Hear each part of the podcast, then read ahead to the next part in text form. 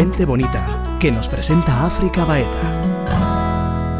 Dicen que todos somos luces y sombras, que en cada uno de nosotros están todas las polaridades. Además danzan, danzan en múltiples formas en el infinito de nuestra conciencia. Pero ¿cómo entrar en ese mundo interior? ¿Cómo saber cuáles son nuestras sombras y nuestras virtudes? ¿Cómo hacerlas conscientes para liberarnos de su esclavitud o para sacarles todo su potencial?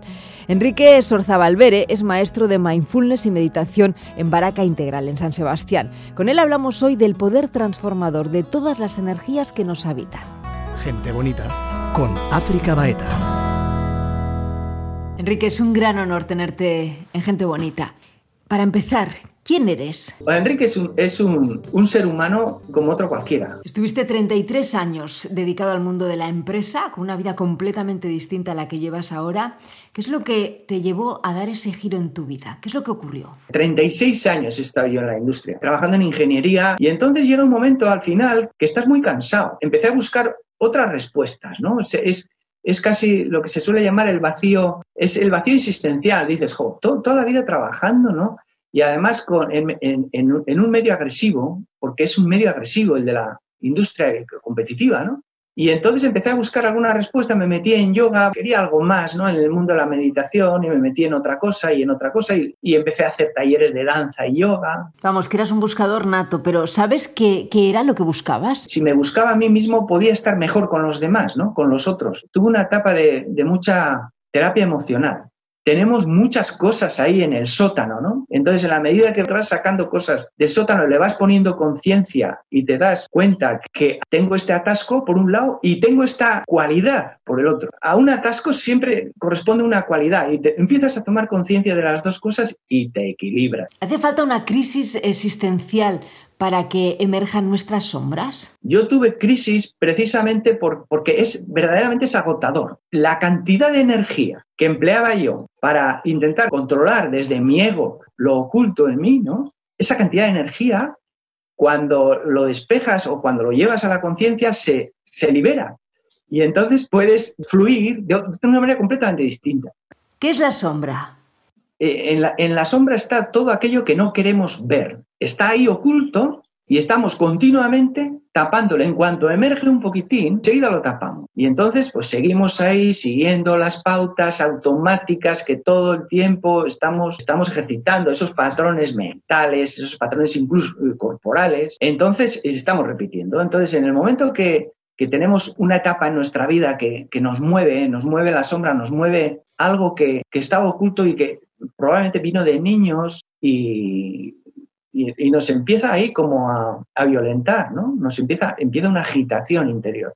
Entonces, el esfuerzo que hacemos por tapar, pues, pues bueno, pues es, es lo normal. Ahora bien, si le preguntamos a esa, a esa sombra qué es lo que quieres, quién eres tú, dialogamos de tú a tú con tu sombra, ¿no? De repente empieza a emerger respuestas Llegan respuestas porque todas las respuestas están en el interior de uno mismo y nos empeñamos en buscarlas fuera. El día que te das cuenta de que estás funcionando de manera automática, con patrones automáticos, que incluso tu deseo no es lo que deseas, sino lo que te han enseñado a desear, el día que coges ese dices, pero bueno, ¿pero qué soy aquí? ¿Una marioneta o qué? Soy una marioneta de mis propios programas. Cuando nos queremos salir del automático es cuando empiezan a asomarse eh, cosas que para nosotros inexplicables y empiezan, a, empiezan las preguntas, la necesidad de respuestas. En ese momento es cuando podemos de alguna manera cultivarnos, ¿no? Bueno, y hay métodos. El método de la, de la atención, de la atención consciente, llevar todos los fenómenos estos automáticos a una atención del momento a momento, ¿no? Es una técnica más, es una metodología. ¿eh? Pero yo creo que no hay que pelearse con las sombras, sino que hay que abrazarlas, entenderlas, porque siempre esconden un mensaje. Resulta que cuando tú te sales y coges con distancia y observas tu sombra, ¿no? Coges el lugar de tu sombra. Hay algo sistémico que te empieza a dar respuestas. Ese inconsciente que te estaba haciendo sufrir, al, hacer, al hacerlo consciente, se convierte en tu aliado y se abre un espacio, un espacio aquí de apertura. Cuando tienes un atasco emocional y no sabes de dónde viene, ahí está la sombra. ¿eh? Duda de las señales del cuerpo, de las señales de la mente, de las intuiciones, incluso también de las emociones. pero no dudes si todas las señales están alineadas. Y es curioso cómo hemos ido perdiendo la capacidad de sentir. ¿Cuánto nos cuesta responder a la pregunta ¿qué siento? ¿Qué siento ante esta circunstancia, ante esta persona? ¿Qué es lo que siento? Y muchas veces las respuestas están ahí. Eso es lo que se tiene que trabajar cada cual. Es responsabilidad de cada uno. Entonces el sentir empieza por el cuerpo. Una vez que afinas la sensibilidad, ¿eh? lo que los ingleses llaman sensitivity, la sensibilidad en el cuerpo, en ese momento estás afinando tus propios recursos de sentir. Si afinas el cuerpo, afinas la mente. Mente, cuerpo, cuerpo, mente al final. Lo segundo es afinar los, las emociones, es decir, tomar conciencia eh, ya, digamos, con un, cierto sentir, un cierto, ya hemos aprendido a sentir, por ejemplo, la gran, una, la gran herramienta de la respiración, ¿no? Aprendes a sentir la respiración, hasta dónde llega, qué es lo que mueve a través de la respiración y energía corporal, estoy hablando, ¿no? Todo el rato. Entonces ya aprendes ahí. Una vez que estás ahí, ya en ese, digamos, que tienes esa herramienta trabajada, ¿no? Que cultivas y que te va a acompañar toda la vida, además, ya empiezas a examinar el flujo de la mente, los flujos de la mente. Y empiezas a ver que la mente es, irreductible en el sentido de que están pasando por la mente relatos, están pasando este, planes, está pasando lo que me ha hecho esta mañana fulano, lo que me pasó el mes pasado. Y si te descuidas y se te, eh, en un momento para te sale un, esto de cuando eras niño. Y porque resulta que se ha cruzado algo que te ha recordado aquello y tal, ¿no? Y enlazas la memoria con la, realidad del momento y demás. La mente no se puede parar, estás bajo el dominio de la mente. Entonces lo que, lo, que sí puedes hacer es observar lo que está pasando por tu mente. Simplemente observas y, lo dejas pasar y empiezas con una disciplina de anteponer tu presencia, tu estar presente, tu respiración y tu, tu presencia a lo que está pasando por tu mente así como continuamente. La presencia es cuerpo, mente y conexión. Conexión en tu corazón, conexión con, la energía universal. ¿eh? Eso se nos escapa aquí a, los humanos, eso es una cuestión científica. No, hay una conexión, tú la, la puedes sentir, en meditación la puedes sentir, pero poco a poco la puedes sentir con los ojos abiertos y en la vida cotidiana. Entonces, tú aprendes a observar los flujos de la mente cuando estás en presencia, bueno, pues no le das mayor importancia porque están pasando, pasando, pasando, pasando, pasando continuamente, vuelves cuerpo, la mente ya está ahí, siempre, la mente siempre está presente. ¿Qué es lo que me dice en todo momento? Estoy ahí abierto, pum, miro para atrás y qué es lo que me dice aquello o aquella persona o tal, ¿no? Estás ahí como con una especie de faro. Enrique, háblanos de las emociones, de esa energía que siempre encierra información. El comportamiento emocional es de cuando somos niños, es decir, eh, estamos mirando a nuestro alrededor, a la macho, a la itacho y a la itona y a, todo lo que se está moviendo y somos como esponjas y también absorbemos el comportamiento emocional. De tal manera que a mí me va, a dar miedo determinadas cosas que le dan a mi madre o a mi padre, que lo hemos captado y que de ahí muchas veces suelen ir asociadas a, determinadas situaciones de vida. Entonces, son las que disparan las emociones, estamos hablando en todo momento de las difíciles, ¿eh? emociones difíciles. No, no son buenas y malas, es una mala clasificación. De todas se puede aprender. Las emociones son energía, como la propia palabra indica, nos mueven a la acción. Cuéntame exactamente eh, cómo entender las emociones. La emoción normalmente expresa inestabilidad. Bueno, la utilidad dependiendo de, la, depende de la, situación que sea, pero por ejemplo, en el mundo de las relaciones, eh, yo creo que es un gran, un gran apoyo, ¿no? Cuando sientes ira, cuando sientes ese, pico, eh, estás, muy, estás muy presente. Entonces, si tú aprendes a, observar la ira, tu propia ira, claro, puedes observar eh, ese momento, ¿no? Y, y, no degenerar. La tristeza, te, tú si tú deja, deja que tu tristeza vaya fluyendo, ¿no? Y va, déjale fluir a la tristeza, déjale, déjale, aprende a, me siento triste y, no sé por qué y tal, tú déjale ahí, ¿no? No es importante por qué, sino que te sientas triste. Y entonces tú deja la tristeza ahí que llegue y toca fondo. la tristeza. Suele tocar fondo. Y cuando toca fondo empiezas a subir para arriba, suelo decir yo, ¿no? empiezas a subir hacia la luz. Y ese es un momento muy creativo. Necesitas abrir puertas para canalizar esa tristeza. Y es un momento muy creativo. ¿Y qué me dices del miedo? Porque el miedo te puede llegar a, paralizar, a frenar o hacer que salgas corriendo. Los estudiosos dicen que el miedo subyace en todas las emociones. Es como una constante. Eh, el miedo, la, gran cualidad del miedo es la alerta, ¿no? Es una alerta. Entonces, la alerta esa y la, precaución, ¿no? Eh, digamos que es constructivo. Tú puedes tener eh, miedo a conducir, ¿no? Entonces vas a conducir mucho más este, tenso y más con más cuidado. La forma de tratar el miedo es otra vez, volvemos un poco como a las, como el tema de la sombra, ¿no? En el sentido de que con el miedo se puede dialogar. Hay que pillarlo. Tengo miedo, Tengo miedo. Bueno, miedo. ¿Y qué es lo que quieres? ¿Qué quieres? ¿Qué necesitas, no? ¿Necesitas que me quede aquí? Cuando, después de trabajar todo lo que has trabajado, no personalmente, no darte cuenta de tus parámetros mentales, de tus eh, programas, de cómo reaccionamos ante determinadas circunstancias según lo que hemos vivido a lo largo de nuestra vida, de, me imagino que toda la información transgeneracional, de darnos cuenta de que la realidad no es más que una proyección de nuestra mente. Cuando vamos quitando todas esas capas que tenemos, ¿qué hay? Sí, queda el vacío, ¿no? Queda el vacío. A mí me da mucho vértigo eh, perder unas cosas que, mi mente o que yo eh, interpreta como bienestar.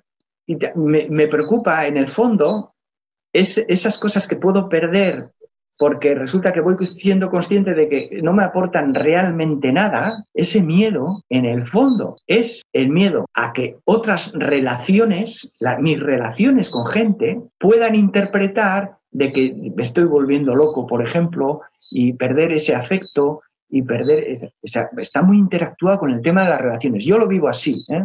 yo lo vivo así. Pero ¿qué queda después?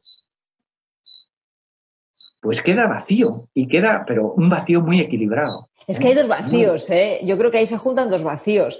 El vacío de el personaje que ya no se sostiene y que sabemos que todas las metas de ese personaje te llevan a la insatisfacción sí o sí, tarde o temprano todas las metas del personaje te llevan al sufrimiento porque son insostenibles, pero luego está el otro vacío.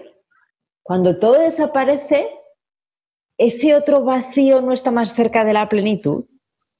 Sí, claro que está. Claro que está. Entonces, en la plenitud, pues estás ahí, estás presente y bueno, y pueda que estés solo o sola, porque, porque sí, porque al final estamos solos. Pero ya no te preocupa, ya no te preocupa, estás pleno, estás ahí, respirando tu propio, tu propio ser, ¿no? Estás ahí, ¿no? El primer paso de todo esto, el primero que es fuertísimo, es eh, superar la dualidad, ¿no? Este es el tema, el tema que podemos, lo que podemos trabajar de más cerca. Lo otro está bastante lejos, ¿eh? Lo otro está, está lejos, el llegar ahí a la plenitud, el llegar al vacío y estar ahí presente, ¿no? No sabemos, es, es el fondo del misterio de la vida, ¿no? Pero la nueva, la nueva dualidad sí está ahí. La nueva dualidad, sabes que estás entre, el, entre el, placer y el dolor en el cuerpo y estás entre lo agradable y lo desagradable en la mente, ¿no? Eso sí se puede trabajar. Y eso nos lleva, eso nos lleva a, a, un bienestar muy, muy vivo, ¿no? En, en, todos los aspectos de la vida, en el mundo relacional, en el mundo de, de la naturaleza, aprender nos lleva a aprender, porque te das cuenta. Si no, si no, si no discriminas lo agradable de lo desagradable, estás en, estás, joder, estás en todo momento aprendiendo, relajado. Y eso sí, eso sí es un, digamos, un reto más, más cercano. Bueno, pues en este punto de la conversación te pido una palabra para terminar. Trascendencia. Me ha salido, ¿eh? Muchas gracias, Enrique. Ha sido un placer hablar contigo. Gracias a ti. Follow, follow the sun, and which way the wind blows, When this day is done. Breathe, breathe in the air. Set your intention. Puedes ver la entrevista completa en el canal de YouTube Gente Bonita. Y si quieres escuchar otras conversaciones, síguenos en ITV Podcast.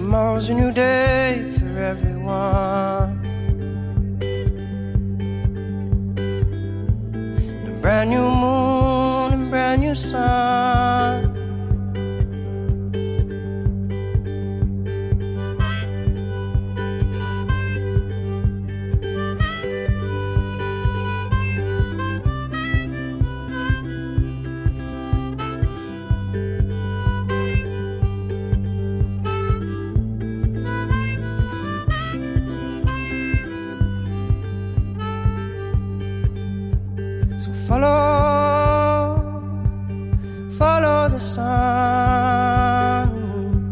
the direction of the birds, the direction of love.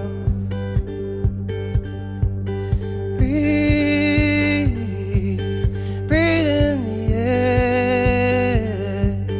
Cherish this moment, cherish this breath. Tomorrow's a new day for everyone.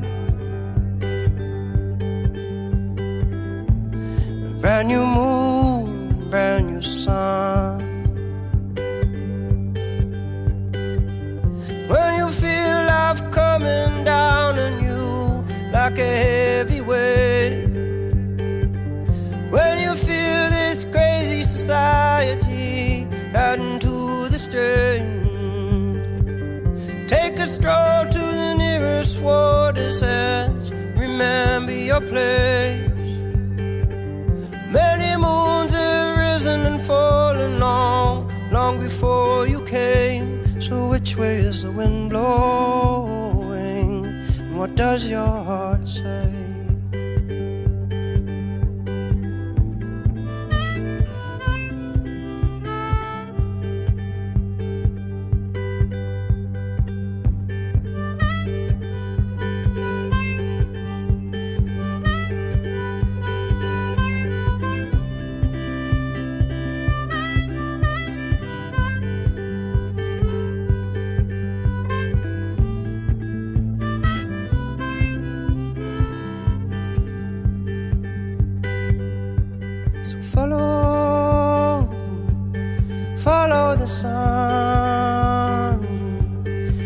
Way the wind blows when this day is done.